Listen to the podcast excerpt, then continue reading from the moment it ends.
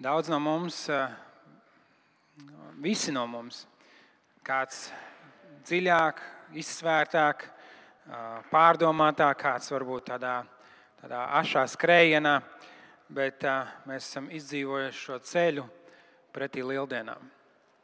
Kāds to iesāk varbūt jau ar gavēni, kādam tas varbūt bija pūpoles veidienā, kādam varbūt zaļā ceturtdienā. Bet uh, mēs ejam cauri šim, šim lieldienu notikumiem, un, un svētdiena ir tāds kontrasts tam, par ko mēs domājam pirms tam.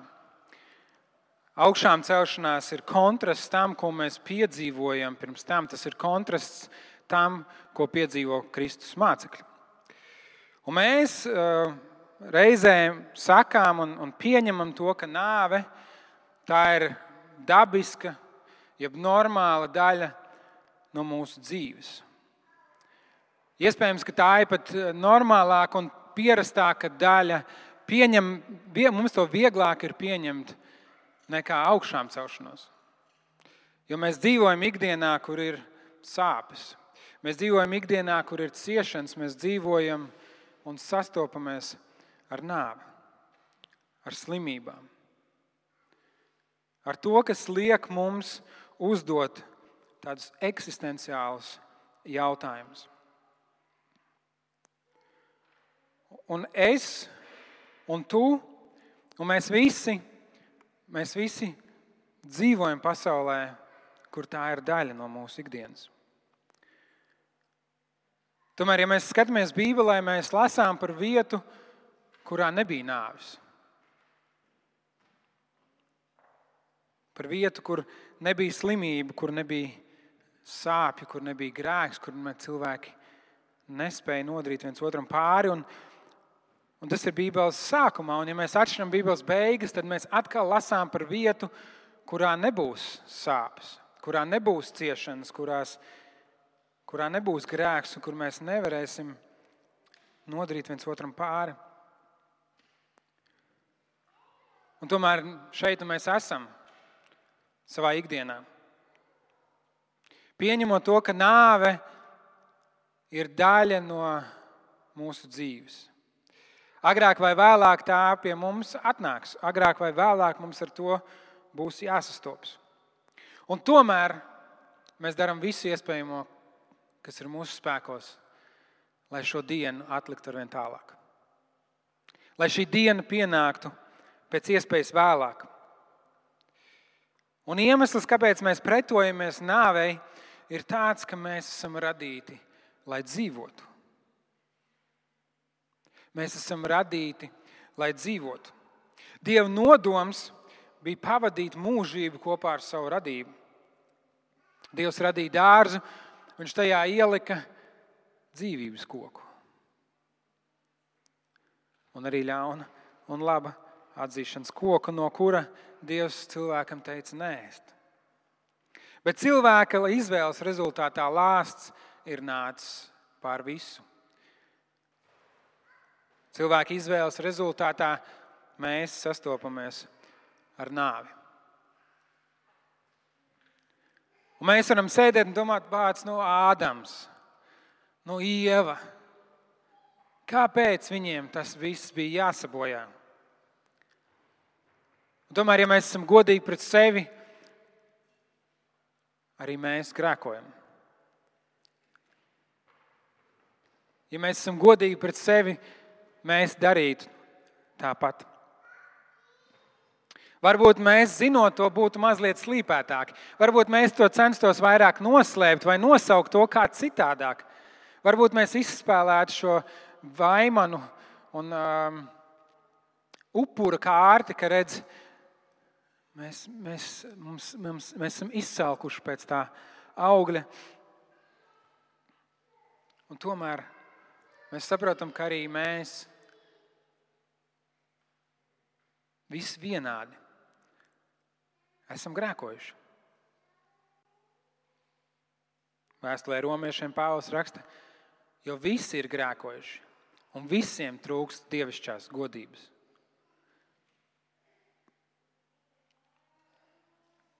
Cilvēks tiek izraidīts no ēdienas dārza. Pirmās mūža grāmatas, trešās nodaļas noslēgumā mēs lasām, kur Dievs saka, redzi, cilvēks ir kļuvis kā viens no mums, zina, kas labs un kas ļauns, un tagad, ka viņš vēl neizstiep roku, lai ņemtu arī no dzīvības koku un ēstu un dzīvotu mūžam. Un kungs Dievs izraidīja viņu no ēdienas dārza, lai apstrādās zemi, no kuras viņš ņemts. Un viņš padzina cilvēku un uz austrumiem no ēdienas dārza iemitināja ķerubus ar atvāstiem, liesmojošiem zobeniem, lai sargātu ceļu uz dzīvības koku. Kas ir ķerubi, jūs jautājat? Man nav ne jausmas.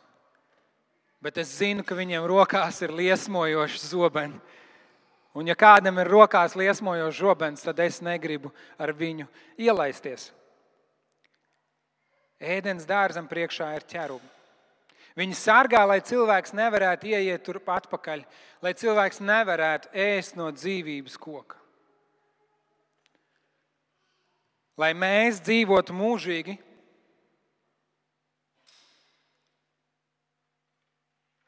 mums ir jāmirst. Lai mēs nokļūtu atpakaļ ēdienas dārzā, mums ir jāiet caur šiem ķerubiem. Mums ir nepieciešams nokļūt atpakaļ pie Dieva, pie šī dzīvības koka, bet ja mēs cenšamies tur ieiet, mēs mirsim.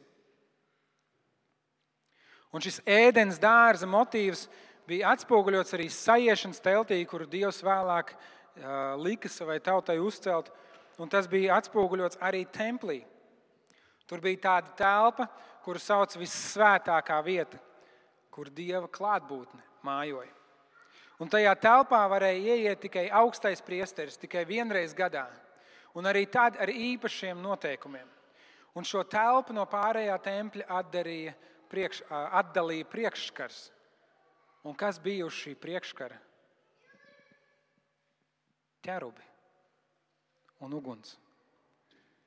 Kā atgādinājums cilvēkam, ka viņš nevar ieiet taisnā ceļā pie Dieva.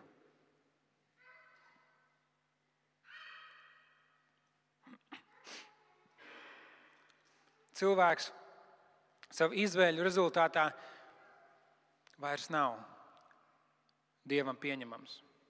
Nevis tas, ka Dievs negribētu cilvēku pieņemt, bet Dievs nevar, jo viņš ir svēts. Tad, kad Iesai nostājās Dieva priekšā, viņš redz līdzību, viņš saka, pagalam es. Viņš saka, man ir pienākušas beigas, jo es esmu skatījis Dievu, un tomēr es esmu grēcīgs un es mītu tautā, kur ir grēkojusi. Šis priekšskars, šie ķērubi, viņi atdala mūs no Dieva. Bet, kad Jēzus nomira, kad Jēzus nomira pie krusta, šis priekšskars templī tika pārplēsts no augšas līdz apakšai. Tas nozīmē, ka mums atkal ir pieeja pie Dieva. Mums ir iespēja iegūt dzīvību. To pēc kā mēs tik ļoti ilgojamies. Tāpēc arī Jēzus var par sevi teikt, es esmu ceļš, patiesība un dzīvība. Neviens nenāk pie tēva kā vien caur mani. Jēzus saka, tagad es esmu šis priekšskars. Tagad tu nāc pie tēva Nevairs ievērojot rituālus, nevairs cīnoties ar ķerubiem, bet pakļaujot savu dzīvi man. Neviens nenāk pie tēva kā viens caur mani. Mācītājs un basketbola cilvēks Edgars Suraks, kādiem zināms un pazīstams, kad es biju pusaudzis, viņš man mēdz teikt, bez Jēzus uzvarēt nav iespējams.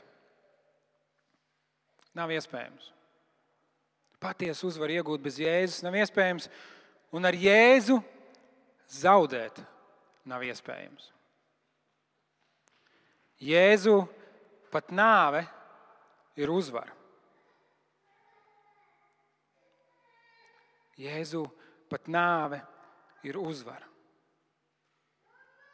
Tāpēc arī krusts mums ir ne tikai, tikai ciešanu un piedošanas un izpirkšanas simbols, bet krusts mums ir arī uzvaras simbols. Apstults Pāvils citē Hozeju un saka, praviet Hozeju, viņš saka, kad iznīcīgais ietērpsies neiznīcīgajā un mirstīgais ietērpsies nemirstīgajā, tad piepildīsies rakstītais vārds - nāve ir aprīta uzvarā. Kur nāve tava uzvara, kur nāve tavs dzelonis? Jēzus atbruņo nāvi. Jēzus atņem nāvei jebkādus ieročus, kas tai ir pret mums.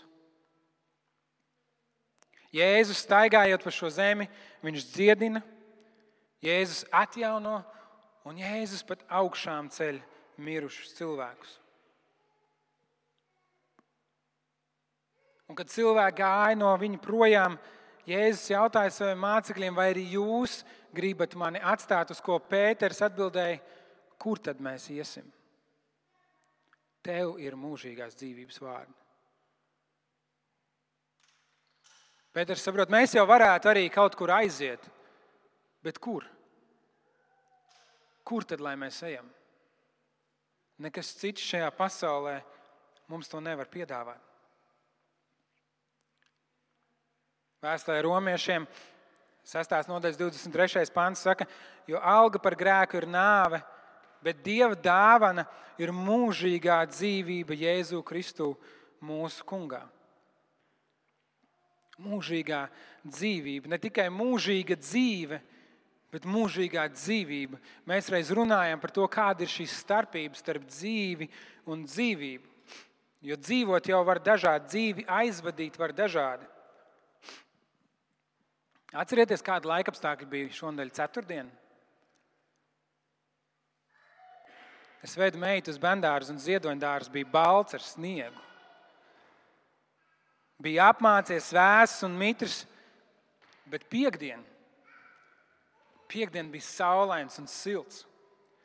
Un abas dienas kā dienas, nepilnas 24 stundas, bet piekdienā varēja redzēt, kā Latvijas beidzot ir pamodies.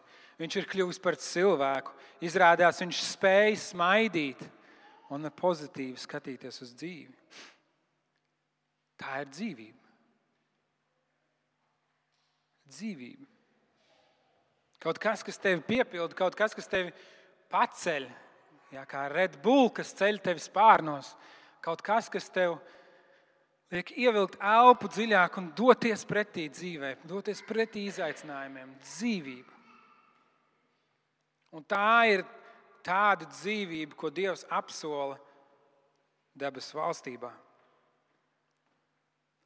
Ja mēs lasām atklāsmes grāmatu, tad tur mēs lasām par dzīvības koku. Un nevis vienu, bet diviem dzīvības kokiem, kur atkal mums ir pieeja. Un daļa no šīs divu valstības, kur atklāsies pilnībā tikai laika beigās, bet daļa no tās mēs varam piedzīvot šeit uz zemes. Un mēs to varam piedzīvot caur viņa svēto garu, kas mājo mūsos. Un tad mēs saprotam, ka nāve, lai gan tā ir realitāte, ar kuru mēs sastopamies, nāve ir atbruņota. Tā, tā vairs nav varas pār mums. Tas gan nenozīmē, ka nāve nesāp. Arī Jēzus, pirms viņš tika nodots, lūdza tēvam, Tēvs, ja tu gribi, ņem šo biķeri prom no manis, tomēr lai notiek nevis mana, bet tava griba. Nāve ir grēka rezultāts. Un grēks ir tas, kas visu sabojā, un kamēr vien grēks ir klātesošs mūsu dzīvē, tikmēr mēs nevaram no tā izbēgt. Grēks nogalina. Citreiz tas nogalina attiecības, citreiz tas nogalina dieva radīto skaistumu, izjauc dieva perfekto kārtību. Un citreiz tas nogalina burtiski, atņemot dzīvību. Un es nedomāju, ka esot uz šīs zemes, mēs pilnībā kādreiz iemācīsimies sadzīvot ar nāvi. Tas vienmēr būs kaut kas, no kā mēs vēlamies izvairīties. Tas vienmēr būs kaut kas, kas ir pretstatā mums un pretstatā Dievam. Nāve sāp.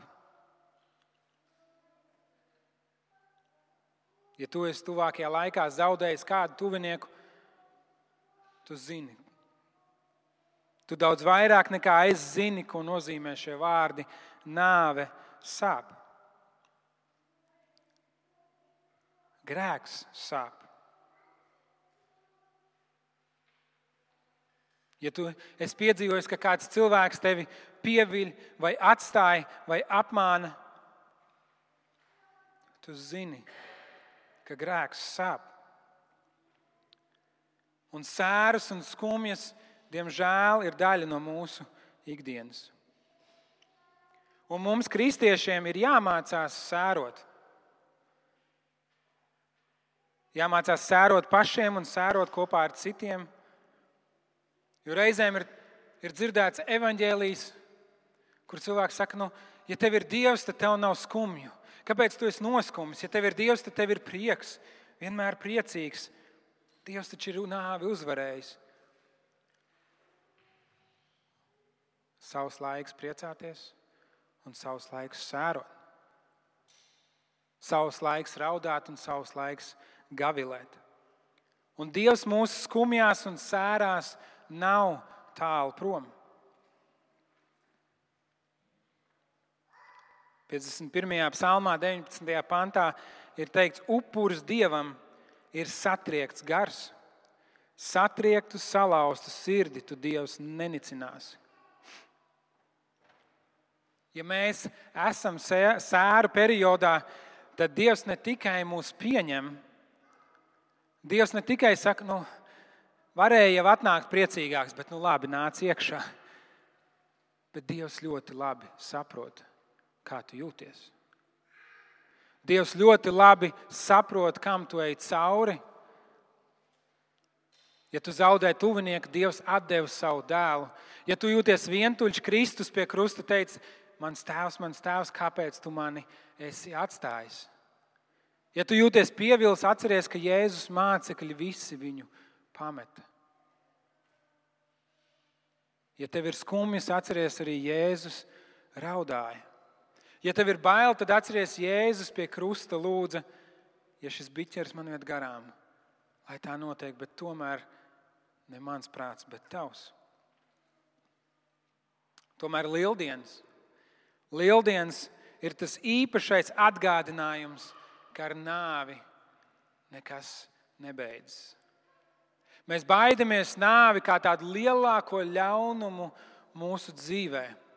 Bet tie cilvēki, kuri patiesi satvēruši Jēzu Kristu un viņa augšām celšanos, vēsturē ir bijuši tie cilvēki, kuri redzēja pāri nāves slieksnim.